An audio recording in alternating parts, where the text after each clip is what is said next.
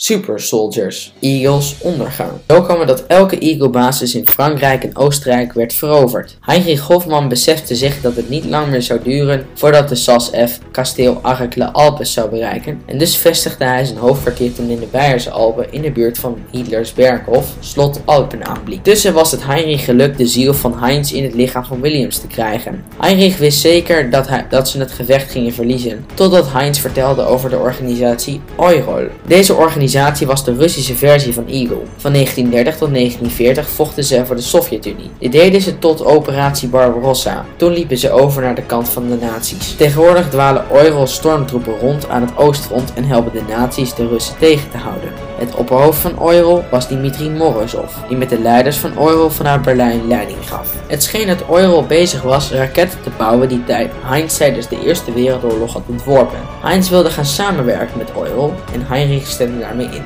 Toen Heinz toestemming vragen aan Hitler en Morozov op 30 juli 1944, besloot Hitler Euro en Eagle samen te voegen tot één organisatie, Adler.